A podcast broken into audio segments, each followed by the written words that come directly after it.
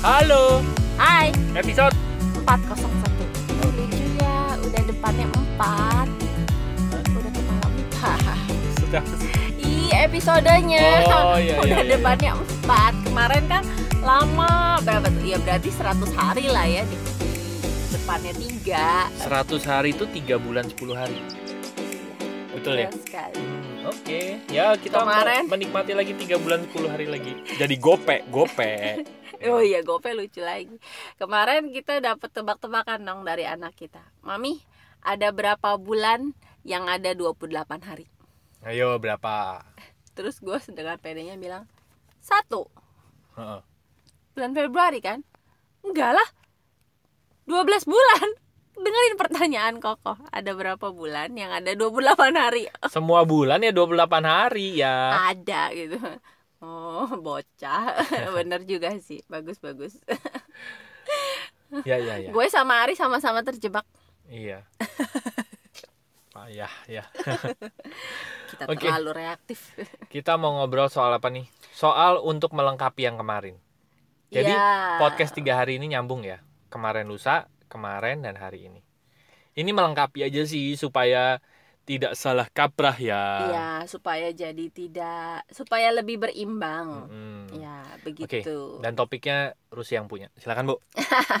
Jadi kemarin kan eh, di to- di podcast kemarin kita cerita bahwa pasangan itu katanya ya komitmen itu bisa memerdekakan kan eh, ketika kita tuh sudah bisa membangun hubungan di mana kita dan pasangan bisa saling jadi tempat yang eh, untuk membuat kita dan pasangan tuh jadi dirinya Sebebas-bebasnya, ya, masing-masing betul. Gitu, bisa berekspresi bisa ngerasain perasaan apa pun bisa cerita bisa Iya. memunculkan semua lukanya gitu ya tanpa eh, perasaan takut eh, dihakimi atau ditinggalkan Hmm. ya kan karena ada pasangan yang akan mengerti membantu memahami gitu ya dan mendukung gitu Hmm. nah har- hari ini gue mau bahas bahwa eh itu benar tapi ujung-ujungnya kita perlu menyadari bahwa kita punya tanggung jawab sendiri terhadap diri kita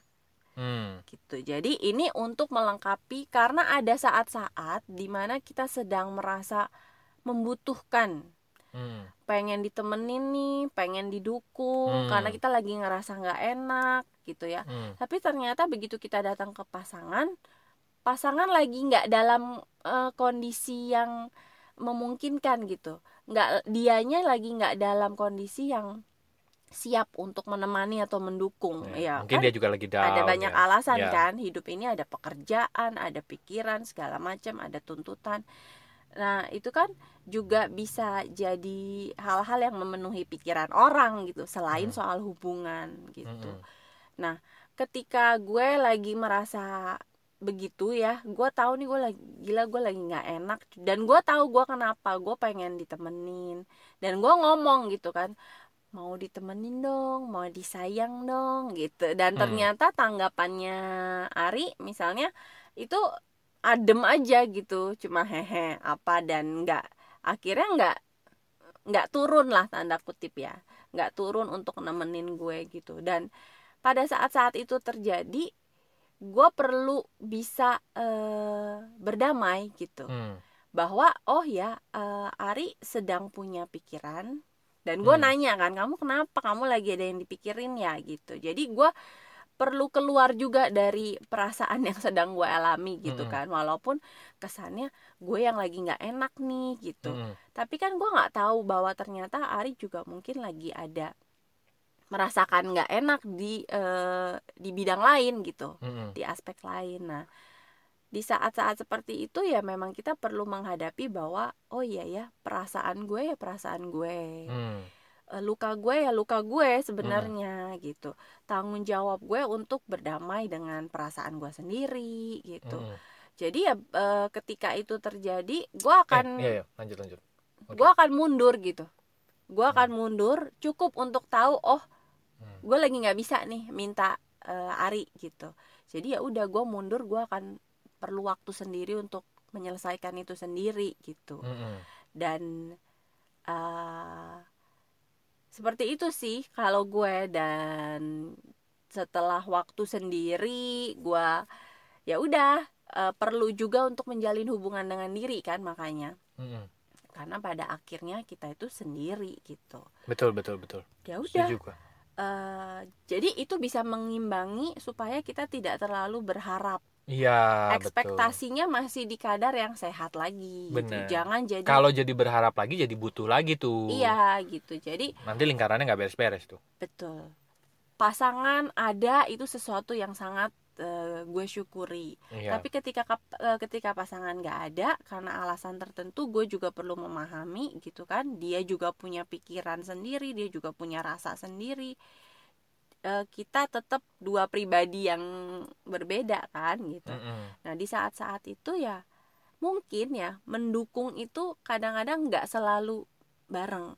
Bisa memberi waktu sendiri, bisa mengambil waktu untuk diri kita dan tanggung jawab kita sendiri, itu bisa jadi bentuk dukungan lain untuk pasangan. iya. Jadi kita nggak nggak ngeribetin terus itu juga dukungan kan. Oh oke, Ari lagi punya pikirannya, gue juga lagi punya pikiran ya udah deh. betul. Mungkin ini saatnya kita uh, take time untuk diri masing-masing gitu. Benar benar benar. Tanpa merasa tanpa merasa gini ih kok dia gitu sih? Gua kan Iya. lagi begini kok dia Iya. nggak nemenin ya? Jadi tanpa merasa jadi, tan- jadi malah iya ya, gitu. Tanpa malah- merasa kita tersinggung lebih jauh lagi gitu. malah double bete-nya. Iya, betul, bete gara-gara perasaan kita terus bete gara-gara bete sama bete gara-gara kok dia nggak Iya. nemenin gue sih? Katanya pasangan begini nah Bener-bener, gua itu setuju juga perlu imbang menurut gue. Gue kemarin ya dapat satu insight menarik dari Deddy Kobusir oke Deddy bilang gini eh dia diwawancarai Andre tuh ah. Andre tahu kan ya Andre Stinky Andre tahu Lani Iya, Andre Andre X Stinky. Dia bilang gini, oh berarti kita Andre bilang ini, oh berarti kita perlu berdamai dengan hidup ya. Kita perlu berdamai dengan diri sendiri. Jadi Kobusier bilang gini, gue nggak setuju ya dengan kata berdamai untuk konteks-konteks tertentu. Mm-mm. Karena gini, definisi berdamai itu satu dan lain pihak berhenti untuk melakukan eh, apa gencatan senjata lah ya berdamai gitu ya. Misalnya gue sama Rusi berantem nih Mm. namanya berdamai itu gue udah bilang oke gua stop lo juga bilang Rusi juga bilang oke gua stop itu Mm-mm. berdamai kan ada kesepakatan dua belah pihak Oke. Nah, tapi ada mas ada hal-hal tertentu yang nggak berdamai gitu Mm-mm. gue memang memutuskan untuk tidak menyerang tapi dia menyerang contoh dia bilang berdamai dengan hidup Mm-mm. Ya. Menurut gue nggak pas berdamai dengan hidup gue Mm-mm. bisa berdamai tapi hidup terus berjalan dia bilang gitu Betul. nah Terus apa lagi? Berdamai dengan COVID katanya. Mm. Iya gue berdamai sama COVID. COVIDnya enggak nyerang gue Mm. gitu ya. Jadi ada satu level kita sebetulnya nggak pas kalau kita bi- dibilang berdamai. Oke. Tapi kita pantasnya itu dibilang beradaptasi dengan hal itu. Hmm. Nah, gue pikir di hubungan juga sama nih. Oke. Kita tuh pengennya kita tuh berdamai dengan pasangan kita. Kita tuh saling oke, gue introspeksi, gue introspeksi ya. Lo juga introspeksi gitu ya. Dua-duanya nih kita berdamai nih. Gue juga kurang setuju sih kalau berdamai untuk konteks ini ya. Iya. Nah, terus Cuman ada level-level pertama itu kita perlu beradaptasi dulu sama pasangan kita, gitu. iya. Betul. Jadi ya nggak bisa eh, apa namanya? Mungkin someday ya, someday sampai satu titik tertentu gitu, Uh-uh. kita akan bisa eh, mencapai titik berdamai gitu dengan Iya. pasangan kita. Karena kan katanya pasangan kita kan belahan jiwa. Ihi. Itu kan jiwa kita yang terbelah kan sebetulnya. Iya. Jadi sebetulnya kalau kita bener-bener kalau belahan jiwa berarti sebetulnya satu jiwa dong. Iya, betul, betul. Kalau itu benar-benar satu jiwa kita, harusnya kita bisa berdamai dengan jiwa kita sendiri. Mungkin someday ya, gitu. Tapi mungkin sekarang yang perlu kita lakukan adalah kita beradaptasi dulu gitu dengan perilaku-perilaku pasangan kita gitu. Kalau menurut gue berdamai di di pikiran gue itu adalah menerima Mm-mm.